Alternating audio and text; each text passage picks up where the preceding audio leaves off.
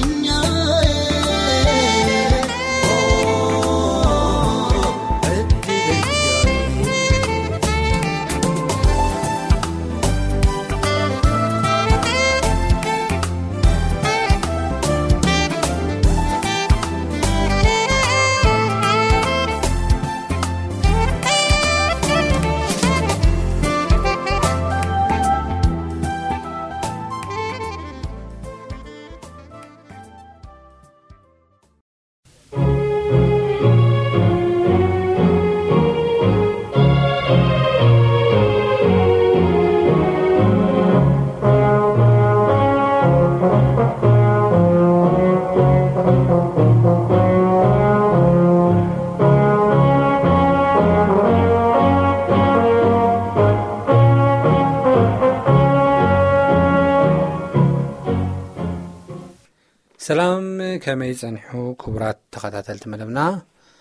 እዚ ብዓለም ለኻዊ ኣድቨንቲስት ሬድዮ ድምፅ ተስፋ ንኩሉ ሰብ እናተዳለወ ዘቕርብልኩም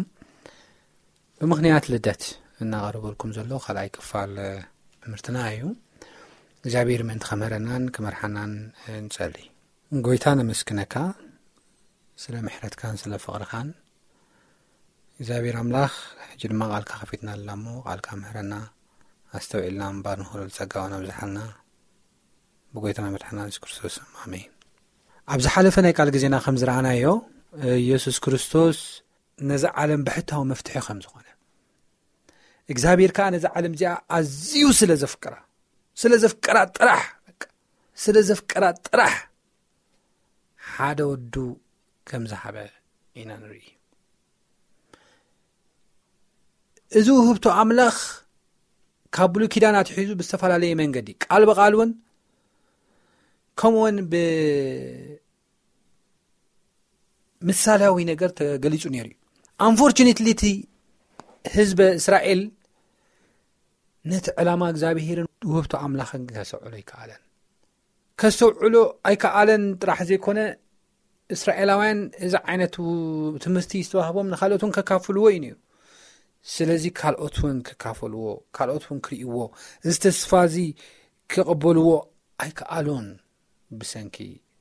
ስንፍንኦ ማለት እዩ ብዝኾነ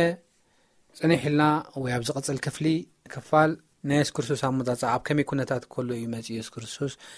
ዝብል ክንርኢ ኢና እሞ ኣብ ዝሓለፈ ካብ ዝረኣናዮ ግን ምናልባት ኣብ ኢሳያስ ምዕራፍ ሱሳን ሓደን ድዋ ኣቢልና ነርና ንሱ ድማ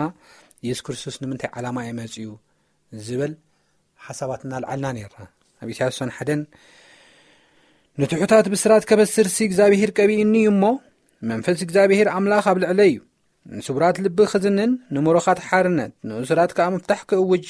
ለኣኸኒ ዓመት ጸጋ እግዚኣብሄር መዓልቲ ሕነን ኣምላኽን ክእውጅ ንዅሎም ሕዙናት ከጸናንዕ ኣዋም ጽድቂ ንኽብሩ ዝኸውን ተኽሊ እግዚኣብሔር ተባሂሎም ምእንቲ ክስመዩ ድማ ንሕዙናት ጽዮን ኣብ ክንዲ ሓሙኽሽቲ ዘውዲ ክደፍኣሎም ኣብ ክንዲ ሓዘን ከኣ ዘይተሓጎስ ኣብ ክንዲ መንፈስ ጓሂ እውን ክዳን ምስጋና ክቦም ለኣኸኒ ይብለና ኣብዛ ሓሳብ እዚኣ ብዝሓለፈ ከም ዝረኣናዮ ናይ የሱስ ክርስቶስ ዓላማ እዚ ከም ዝኾነ ዘንበብናዮ ከም ዝኾነ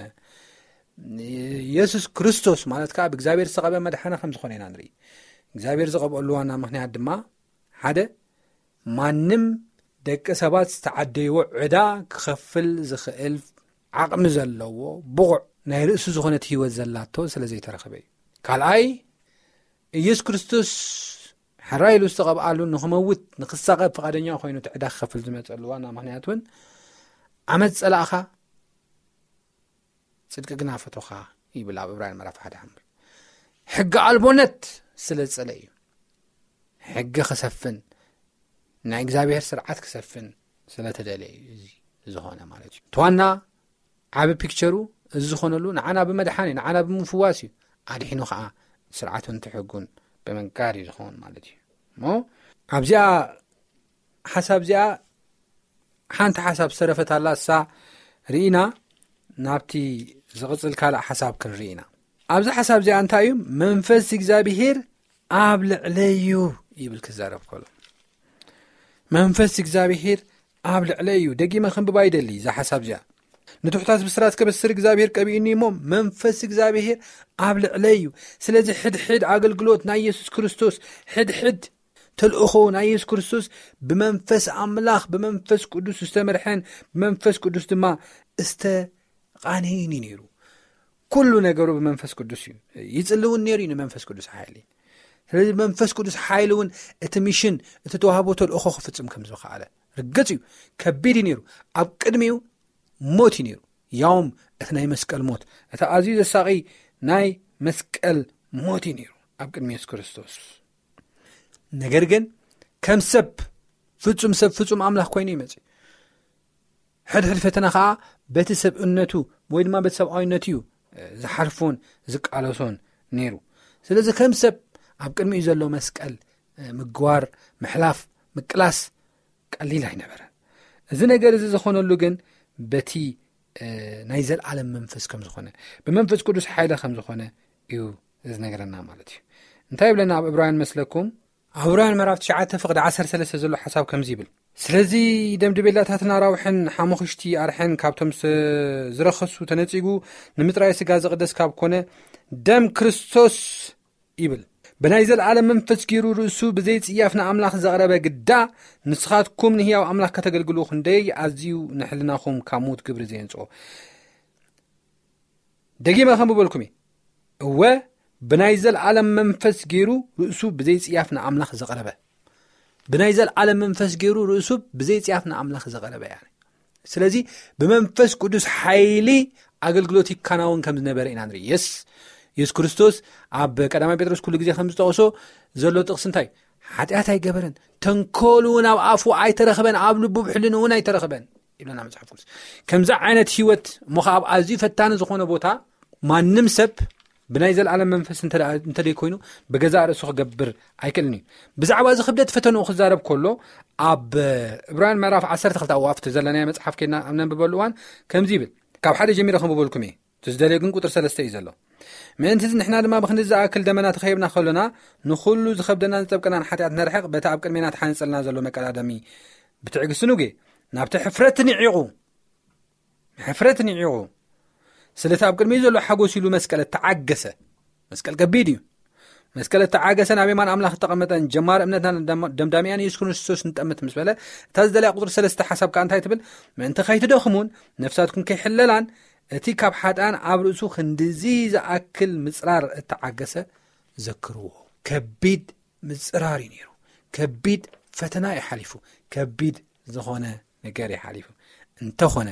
ብዓወት ብዘይፅያፍ ከቐርብ ዝኸኣለ ግን ብናይ መንፈስ እዩ ብናይ መንፈስ ቅዱስ ሓይሊ እዩ ነዚ እዩ ንትሑታት ብስራት ከበስርሲ እግዚኣብሄር ቀቢኡኒ እሞ መንፈስ እግዚኣብሄር ኣብ ልዕለ እዩ ምሳይ እዩ ኢሉ ኣገልግሎቱ ኩሉ ብመንፈስ ቅዱስ ተመልዩ እቲ ተልእኾ ሙሉእ ብምሉእ ብዕዉት ከከናውኖ ዝኸኣለ ንዓና እውን ናይ ምድሓን መንገዲ ክኾነልና ዝኸኣለ ክብሪ ንስሙ ይኹን ጎይታ የሱስ ክርስቶስ በዚ ዕላማ እዚ መንፈስ ቅዱስ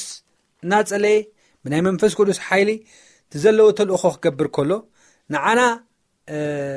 ናይ ምጽናዕ ጥራሕ ኣይኮነን ገይሩ ካብ ብሉይ ኪዳን ከይወፃእና ኣብ ዘፍጥረት መራፍ ሰለስተ ፍቅሪ ዓሰርተ ሓሙሽተ ከይና ብ ንሪእኣሉ ዋን ንሰይጣን እውን ኤክስፖዝ ገይርዎ እዩ ኣጋሊፅዎ እዩ ዘፍጥረት መራፍ ሰለስተ ፍቅሪ ዓሰርተ ሓሙሽተ ናይ መጀመርያ ተስፋ ናይ መፅሓፍ ቅዱስ ተባሂሉ ይፅዋዕ ፍርስት ፕሮሚስ ኦፍ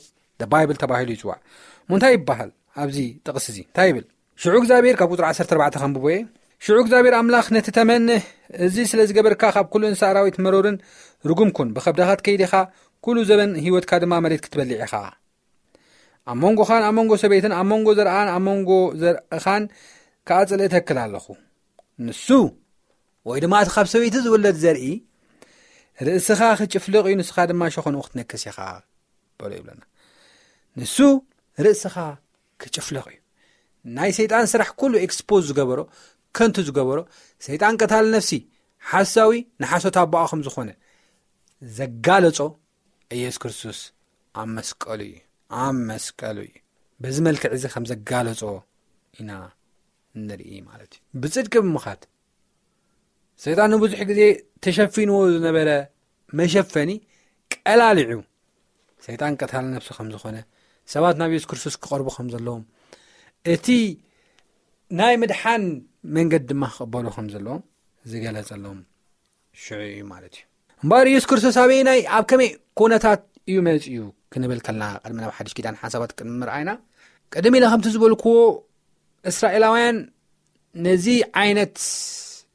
ወንጌል ንክገልፁ ንካልኦት ከካፍሉ መጀመርያ ዝተዋህቦም ሕግን ምስክርን ዝተዋህቦም ንዕኦም እዩ እዚ ስርዓት እዚ የሱስ ክርስቶስ ከም ዝመፅ ዝተዋህቦም ንዕኦም እዩ ዝተነግሮም ንዕኦም እዩ እንተኾነ ግን ንሳቶም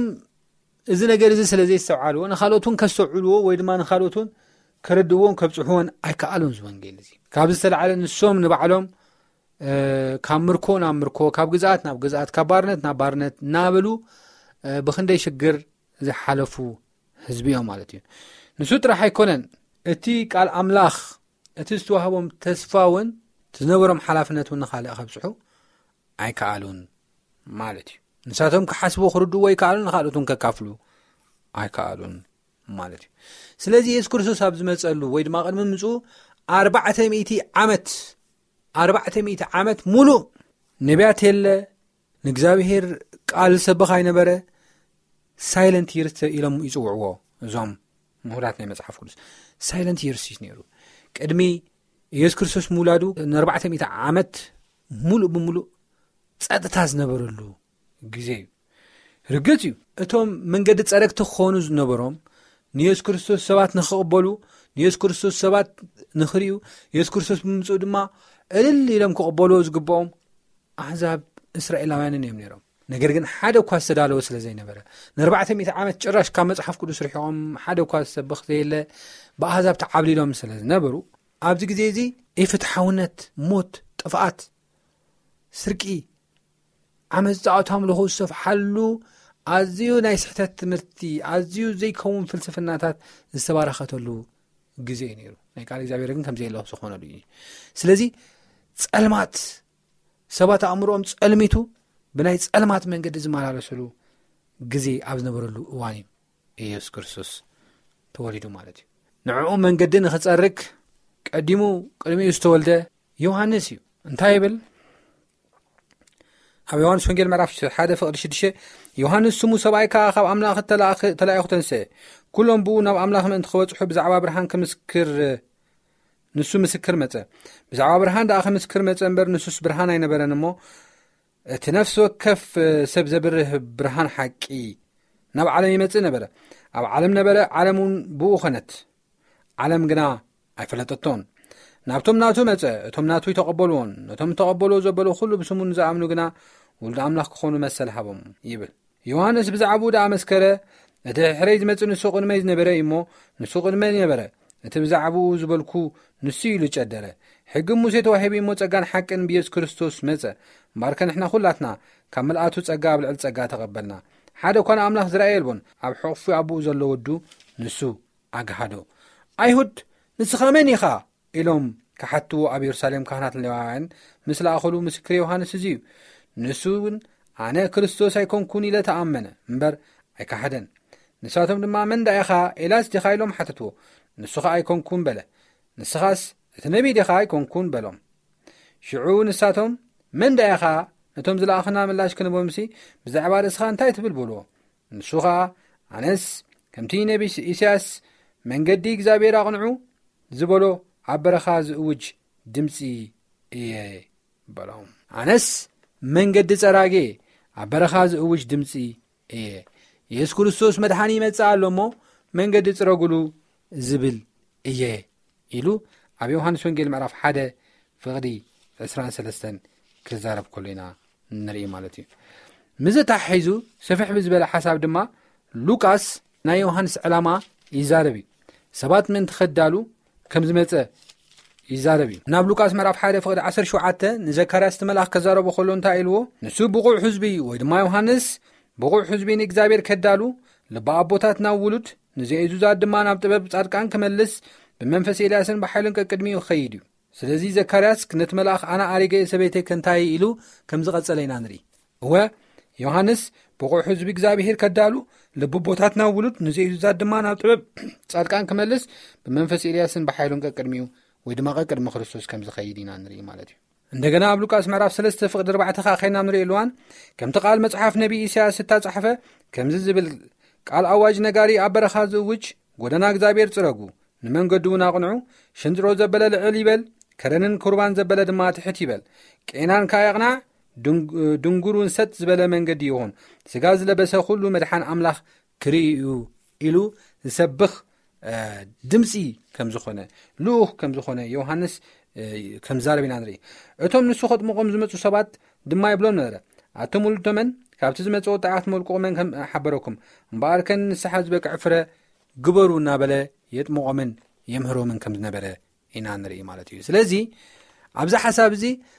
እስራኤል እኳ ተደይ ተዳለወ እግዚኣብሔር ግን ዮሃንስ ከም ዝለኣኸ ዮሃንስ ከኣ ብዝተካኣሎ መጠን ነቲ ህዝቢ የዳሉ ከም ዝነበረ ኢና ንርኢ ንየሱ ክርስቶስ ክቕበልዎ የዳሉ ከም ዝነበረ ኢና ንርኢ ርግፅ እዩ ብዙሓት በቲ ናይ ዮሃንስ ጥምቀት ተገሪሞምን ተመሲጦምን እቲ መልእኽቲ እውን ተቐቢሎምዎን እዮም ነገር ግን እዚ ዝበሃል ለውጢ ግን ኣብ ሂወቶም ክረአ ኣይከኣለን ምክንያቱ ንየሱስ ክርስቶስ ዓብዩ ተልእኹ ክጅምር ከለዎን ኣይተቐበልዎን መልእኽቱ ፅን ኢሎም ክሰምዕዎ ኣይከኣሉን ክስዕብዎ ኣይከኣሉን ዝተወሰነ ለውጢ መፅ እዩ እዚ ዝበሃል ለውጢ ግን ኣይመፀን ኣእምሮኦም ብሓጢኣትን ብግዜያዊ ጥቕምን በቲ ናይ ግዜያዊ ዝኾነ ስልጣንን ክብርን ብኡ ተፀልሚቱ ከም ዝነበረ ተታሒዙ ከም ዝነበረ ኢና ንርኢ ብዝኾነ እግዚኣብሄር ከምዚ ገይሩ ነቲ ህዝቢ ከም ዘዳለዎ ኢና ንርኢ ነገር ግን ኢየሱስ ክርስቶስ ክውለድ ከሎ ኢየሱስ ክርስቶስ ናብዛ ምድሪ ናብዛ ዓለም ክመፅእ ከሎ ግን ከይና ንሪኢ ኣለዋን ማንም ዝተቐበሎ ከም ዘየለ ኢና ንርኢ ኣብ መብሊ ዕባል ኣብ ቤትልሄም ከም ዝተወልደ ኢና ንርኢ ቤትልሄም ማለት ክጅመር ከሎ ቤተ እንጀራ ማለት እዩ ብካልእ ኣባህላ ቤት ሊሄም ማለት ብእብራይስ ቤት እንጀራ ማለት እዩ ናይ ህይወት እንጀራ ኣነ እየ ዝበለ ጎይታ ህይወት ክበና ሰማያዊ ምግቢ ክበና ኣብ ቤት ልሄም ከም ዝተወልደ ኢና ንርኢ ቤት ልሄም ካብተን ዝነበራት ናይ ኣይሁዳ ከተማታት እታ ዝነኣሰት ከተማ እኳ እንተኾነ ትርጉም ዘለዎ ከተማ ግን ከም ዝነበረት ሽሙ ኢና ንርኢ ማለት እዩ ሓደ እሱ እዩ እቲ ካልኣይ ድማ ከድና ንርእየኣሉዋን ካብ ቤት ልሄም ድማ ኣብ መብሊ ዕማል በደቀሲ ተሳይኑ ኣብ መብሊ ዕማል ከም ዝደቀሱ ማርያም ውናኡ ከም ዝተገላገለት ኢና ንርኢ ማለት እዩ በዚ መልክዕ እዚ ዓለም ምንም ዋጋ ከም ዘይነበረ ኢና ንርኢ ዳሓር እንደገና እውን ተወሊዱ ምስ ረኣዩ ዝተቐበልዎ እቶም ኣብ ማቴዎስ ከምቲ ዝብለና ማለት እዩ ጓሶትን እቶም ሰብ ጥበብን እንተደይ ኮይኖም ካልኦት ክቕበሉ ኣይከኣሉ ክርእዎን ከስዕሉን ኣይከኣሉ እቶም ኣብኡ ዝነበሩ ክምዝገቡ ዝመፁ ኣብ ቤት ልሄም እኳ ትኩረት ገይሮም መን እዩ ኢሎም እኳ ክርድእዎ ኣይከኣሉን ሰብ ጥበብን እግዚኣብሔር ዝገለፀሎም ሰብ ጥበብን ናይ ዓለም መድሃኒት ኣብዚ ምድሪ መፅዩ ማንም ኣይተቐበሎም እቶም ሰብ ጥበብን እቶም ጓሶትን እዮም መፅኦም ተቐቢሎሞ እዚ ክሳብ ክንደይ ዓለም ኣብ ፅልመት ከም ዝነበረት ክሳብ ክንደይ ካብ ፍቓድ ኣምላኽን ካብ መንገዲ ኣምላኽን ርሒቓ ከም ዝነበረት ዘርእና ሓሳብ እዩ ማለት ጭራሽ ካብዚ ብተፃራሪ ኢየሱስ ክርስቶስ ተወሊዱ ብዙሕ ከይፀንሐ ንጉስ ኣይሁድ ተወሊዱ ዝብል ወረ ሄሮዶስ ምስ ሰምዐ ንኸቕትሎ ይብለና ማቴዎስ ምዕራፍ ክልተ ኸይና ንርኢ ኣለዋ ሓድሽ መንገዲ ከም ጀመረ ኢና ንርኢ ማቴዎስ ምዕራፍ 2ልተ ከምብበልኩም ይደሊ ንጉስ ሄሬዶስ ሰሚዑ ሰንበደ ኩላ የሩሳሌም እውን ምስ ይብለና ኩሉ የሩሳሌም እውን ሰንቢዱ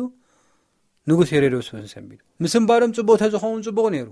ነገር ግን ንየሱስ ንክርስቶስ ንምጥፋእ ነቲ ንዕኦም ምድሓን ዝመፀ ጎይታ ንምጥፋእ ከም ዝሰመሩ ኢና ንርኢ ማለት እዩ ድሓር መልኣኽ እግዚኣብሄር መልኣኽ እግዚኣብሄር ንዮሴፍ ብሕልሚ ተራዮ ይብለና ቁፅሪ 13 ሄሮዶስ ነቲ ህፃን ክቐትሎ ይደሊ ኣሎሞ ተንስእ ነቲ ህፃን ነዲኡ ሒዝካ ናብ ግብፂ ህደም በሎ ክሳዕ ዝነግረካ ኣነ ኸኣ ውፅናሕ በሎ ተንስኡ ነቲ ህፃን ነዲኡን ሒዙ ብለይቲ ናብ ግብፂ ኸደ እቲ እግዚኣብሄር ብነቢይ ንወደይ ካብ ግብጺ ጸዋዕክዎ ዝብሎ ምእንቲ ክፍጸም ድማ ሄሮዶ ክሳዕ ዝሞት ኣብኡ ጸንሐ። ሽዑ ሄሮዶስ ሰብ ጥበብ ከም ዘላግጹሉ ምስ ረኣየ ብዙሕ ኮረየ እሞ ንዅሎም ህጻናት ቤትልሄም ኣብ ኵሉ ጎደቦታት ንዝጸንሑ ካብ ሰብ ጥበብ ኣርጊጹ ብዝሓተቶ ዘመን ወዲ ክልተ ዓመትን ካብኡን ታሕትን ዘለዉ ልኢኹ ኣቕተለ። ሽዑ እቲ ብነብዪ ኤርምያስ ኣብ ራማ ድምጺ እተሰምዐ ዋይዋይታን ብዙሕ ብኽያትን ራሄል ስለ ደቃ በኸየት ብዙሕ በኸየትን ራሄል ስለ ደቃ በኸየት ተወዲኦም እዮም እሞ ምልባስ ኣቤት ተባህለ ተፈጸመ ይብለና ብዙሕ ደም ብዙሕ ጥፍኣት ከም ዝኾነ ኢና ንርኢ ዓለም ንየሱስ ክርስቶስ ዓለም ነቲ መፍትሒ ክኸውን ዘሎ ሽግራት ኩሉ መፍትሒ ክኸውን ዝመፀ ጎይታ ዝተቐበለቶ በዚ መልክዑ እዩ ማለት እዩ ሰይፍ ሒዛ እያ ተቐቢላቶ ዓለም ንክተጥፍኦ ተዓጢቓ እያ ተፀቢያቶ ዓለም ንየሱስ ክርስቶስ ኢየሱስ ክርስቶስ ግን ንዓለም ከድሕን እዩ መፅኡ ሄሮዶስ ወሲኹ ነቶም ካልኦት ዘይተቐበልዎ ንክቐትልዎ ዝህንደዱ ዝነበሩ ሰባት ንዖም እውን ከድሕን እዩ መፅኡ ባር ናይ የሱስ ክርስቶስ ልደት ከምዙ እዩ ናይ የሱስ ክርስቶስ ፍቕሪ ዓብ እዩ ናይ እግዚኣብሔር ፍቕሪ ዓብ እዩ ክብሩን ስልጣኑን ገዲፉ ዝመፀ ንዓና ንምድሓን እዩ ማለት እዩ ስለዚ ክብራት ተኸታተልትና ፍቕሪ እግዚኣብሄር ርኢና ፍቕሪ እግዚኣብሄር ኣስታውዒልና ምንባር ክንክእል ከም ፍቓዱ ድማ ክነመላለስ ልደቱ ኣስታዊስና ሕጂ እውን የሱስ ክርስቶስ ዳግም ክምለስ እዩ ክምለስ እዩ እንደገና ተዳሊና ክንፅበዮ ነቶም ብኡ ዝኣምኑ ናይ ዘላለም ሂወት ክህቦም ዓይኒ ዘረኣዮ እ ዘይሰምዖ ኣብ ልቢ ሰብ ዘይተሓስበ ንክህቦም ሎሚ እውን የሱስ ክርስቶስ እንደገና ክመፅ እዩ ኢሉ እዩ ልብኹም ኣይሸበር ብኣምላኽ እመኑ ብኣይ እመኑ ስፍራ ክዳልወልኩም ኸይድ ኣለኹ ስፍራ መሰዳለክልኩም እንደገና ተመሊሰ ክመፅእ ኢሉ እዩ ከምቲ ናይ ብዝሓለፈ ግን ኣይኮነን ኣብ ቤት ልሂማ መብልዕ ማል ተወሊዱ ኣይኮነን ብኽብሪ ነጊሱ እዩ ክመፅእ ምስ እልፋ ኣላፋት መላእኽቲ እዩ ክመፅእ እሞ ክንፅበዮ ተዳሊና ከም ፍቓዱ ተዳሊና ቃሉ እናንበብና ግዜያቱን እዋናቱን ኣስተውዒልና ተዳሊና ከም ፍቓዱን ተሓላፍነትና ንካልኦት እናበሰርና ክንፅበዮ ይግባእ እዩ ማለት እዩ እዚ ክንገብር እምበኣር እግዚኣብሔር ፀጉ የብዝሓልና ኣብ ዝቕፅል